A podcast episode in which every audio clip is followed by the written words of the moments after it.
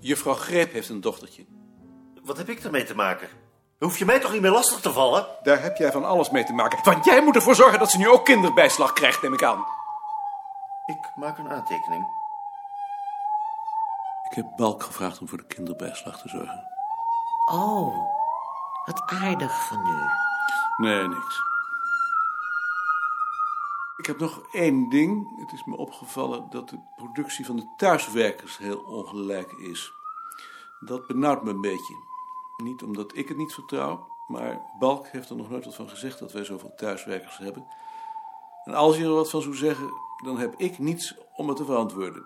Daarom vroeg ik me af of het niet goed zou zijn om een soort controlesysteem in te stellen. Bijvoorbeeld door behalve het aantal uren ook het aantal fiches of overgetikte verhalen te laten noteren. Vinden jullie ervan? Heel goed, moeten we doen. Nooit de kat op het spek binden. Geen bezwaar. We moeten wel oppassen voor een bureaucratie. Dat is toch geen bureaucratie? Als je een normale controle uitvoert. Nee, dat vind ik ook. Het is niet bedoeld als controle, maar als verantwoording. Als het daarbij blijft, dan heb ik er minder bezwaar tegen. Wil jij ermee belasten? Ik? Waarom zou ik dat moeten doen? Omdat In en Heidi ook thuiswerken. Ad en ik kunnen onze eigen vrouwen toch niet controleren? Dat is waardeloos. Ja, verdomd. En waarom doe jij het dan zelf niet? Ik onderteken de declaraties. Zoiets moet in twee handen. Je hebt toch ook altijd je antwoord klaar, hè? Dat is mijn kracht. Mevrouw de voorzitter, dit is nu mijn derde vergadering. Ik vind het natuurlijk wel belangrijk om te horen hoeveel fiches er het afgelopen jaar zijn gemaakt en hoeveel proefkaarten er zijn getekend. Maar ik heb ook behoefte aan de visie van de secretaris op de ontwikkeling van het vak. Kan hij daar nu wat over zeggen? Of kan hij voor de volgende vergadering niet eens een beleidstuk produceren? Secretaris? Dat kan ik niet. Hier, hier. Nee. Mevrouw de voorzitter, met alle respect voor de secretaris, maar het komt mij toch voor dat dit zijn taak is. Bij uitstek, durf ik wel te zeggen. Je kunt er toch zeker wel wat over zeggen, ik bedoel maar. Uh, mevrouw de voorzitter, misschien dat de secretaris aan een concreet voorbeeld kan demonstreren waar hij mee bezig is. Ik voor mij heb daar meer behoefte aan dan aan weer een beleidstuk. Beleidsstukken worden er al genoeg gemaakt. Te veel, durf ik wel zeggen. Ja, daar sluit ik mij graag bij aan. Kan dat wel? Ja, dat kan wel. Maar niet te lang. Ik wil maar zeggen. Nee, niet lang. Ik haal even de kaart erbij. Is er al bekend wanneer u naar Helsinki gaat? Ik zelf over twee weken. Koning een paar dagen later, omdat de Atlascommissie eerst afzonderlijk vergadert. Dus jij hebt je uitje weer. Als je het zo noemen wilt. Voor jou is werk toch een uitje? Dat heb je altijd gezegd. Dat is waar. Ik werk graag. Als het maar niet te warm is, zei ze in Indië dan. Nee, warmte, daar heb ik een hekel aan. en daarom ga je naar Helsinki. Juist. Ik weet niet of iedereen het zo kan zien. De kaart van de dorstvlegel dus. Vijf typen, behalve dan de dorststok. Ieder type met een duidelijke, redelijk omgrensde verspreiding. Er zijn er twee theorieën. De ene theorie is dat die verschillen honderden jaren oud zijn en dat de grenzen van hun verspreiding de grenzen zijn van oude cultuurgebieden. De andere is dat het ene type veel ouder is dan het andere en dat de nieuwere type de oudere in de loop van de eeuwen vanuit een centraal punt, en dat zou dan Noord-Frankrijk zijn, verdrongen hebben naar de randen van Europa. Ik geloof dat het in werkelijkheid nog anders is gegaan. Ik denk dat dergelijke vernieuwingen alleen werden overgenomen wanneer ze als vernieuwing werden gezien en dat dat lang niet altijd het geval was. Dat je dus heel goed de situatie moet kennen om te weten waarom een boer overstapte op een andere vlegel. Om dat te weten te komen volg ik drie wegen. Ik praat met boeren om te horen hoe ze over hun vlegel dachten en of ze wel eens op een andere zijn overgegaan. Ik verzamel gegevens met vragenlijsten over de aantallen schoven die met de verschillende typen per uur gedorst werden, om een indruk te krijgen van het arbeidsvermogen van de verschillende vlegels. En ik probeer me een beeld te vormen van de landbouwsituatie in de verschillende gebieden in de vorige eeuw, toen er nog algemeen met vlegels werd gewerkt, om erachter te komen wat er van zo'n vlegel gevraagd werd. Ja, In het tijdschrift ter bevordering van nijverheid zijn voor de 19e eeuw een aantal interessante regionale beschrijvingen verschenen. Van Van Hal en Gidsma. En van Iterson. Ik kan je wel een overzicht sturen. Ik denk dat ik ze ken. Niet alleen in het tijdschrift ter bevordering van nijverheid trouwens, maar graag. Je weet nooit. Ik kan nog wel meer vertellen en ik heb ook nog een kaart van de Sikkel, de Zicht en de Zeis. Daar geldt hetzelfde voor. Nou, zo lijkt me het wel genoeg voorlopig. Ik weet niet hoe de heren daarover denken. Ik bedoel maar, enzovoort. Mevrouw de voorzitter, ik moet u zeggen dat ik zeer onder de indruk ben van wat ik gehoord heb. En ik wil er met klem op aandringen de secretaris de gelegenheid te geven hiermee voort te gaan. Dit soort onderzoek wordt in ons land verder niet verricht. En ik acht het van het grootste belang dat het gedaan wordt, nu dat nog mogelijk is. Ja, dat ben ik volledig met de heer Van der Land eens. Heer, heer. En meneer Appel, bent u ook tevreden? Voorlopig wel, mevrouw de voorzitter. Nou, ik kan me anders ook nog wel interessante onderwerpen voorstellen. Daar zullen we het dan de volgende keer over hebben. Oef, ik was werkelijk even bang dat het mis zou gaan. Met die opmerking van Appel. Zoals jij reageerde. Ik hield mijn hart vast. Het is toch een enorme klootzak. Zelf weet hij net zo min wat we met het vak aan moeten. Hij wil het alleen van mij horen. Natuurlijk, daar zit hij voor. Maar jij mag nooit zeggen dat je het niet weet. Jij weet alles. Ik weet niets. En helemaal niet wat voor beleid ik moet voeren. Maar dat mag je nooit laten merken. Wat moet ik dan doen als ik het echt niet weet? Dan zeg je dat je zo'n stuk zult schrijven. En dan schuif je het op de lange baan. Of je maakt je er met een Jantje van Leiden van af. Maar je mag de commissie nooit in verlegenheid brengen.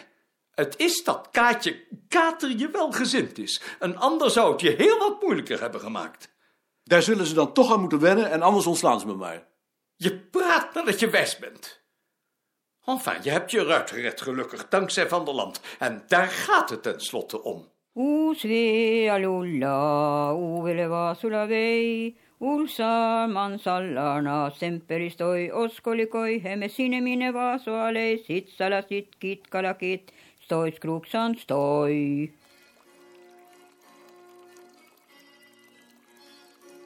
Mr. Stanton. Hello.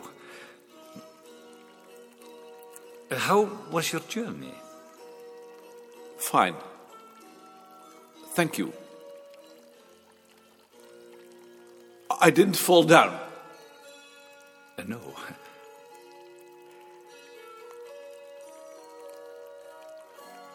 Are you alone?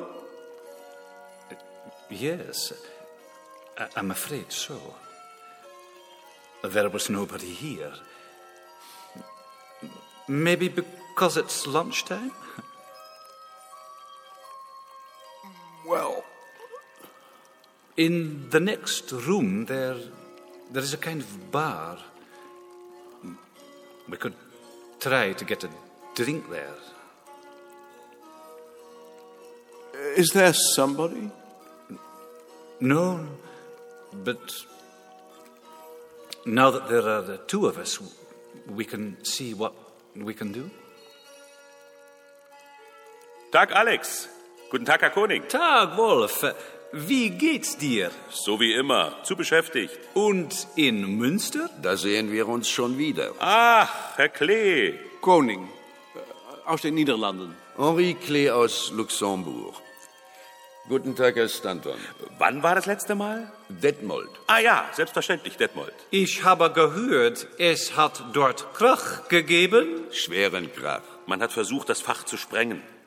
Ethnologen wie wir, die sich mit der Vergangenheit auseinandersetzen, sind Werkzeuge in den Händen der Reaktion, Knechte des Imperialismus. Wir sollen uns nur noch mit aktuellen gesellschaftlichen Problemen beschäftigen. History is bunk. Genau. Und wer sagt denn das? Die Tübinger. Und da kommt Frau Grüble. Sie warten doch nicht auf mich, Herr Stanton. Das freut mich wirklich, Sie wieder mal zu sehen. Wo Frau Grübler ist, kann Herr Seiner nicht weit sein. Doch, Herr Günthermann, doch. Herr Dr. Seiner ist hier schon vorgestern eingetroffen. Guten Tag, Herr Klee. Bonjour, Frau Grübler. Koning aus den Niederlanden. Aber wir kennen uns doch, Herr Koning. Aber gewiss, wir kennen uns. Ach, natürlich. Sitzung der Organisationskommission. Die müssen dann doch irgendwo hinter diesen Türen stecken. Die halten jetzt Siesta. Aber Herr Klee, so alt sind die Herren doch noch nicht. Und wie geht es in den Niederlanden? Gut. Ich gehe nach mein Zimmer. Bis sofort. Halb fünf. Unser zwangloses Treffen. God bewaar me, wat doe ik hier? Ik ben hier toch volstrekt ongeschikt voor.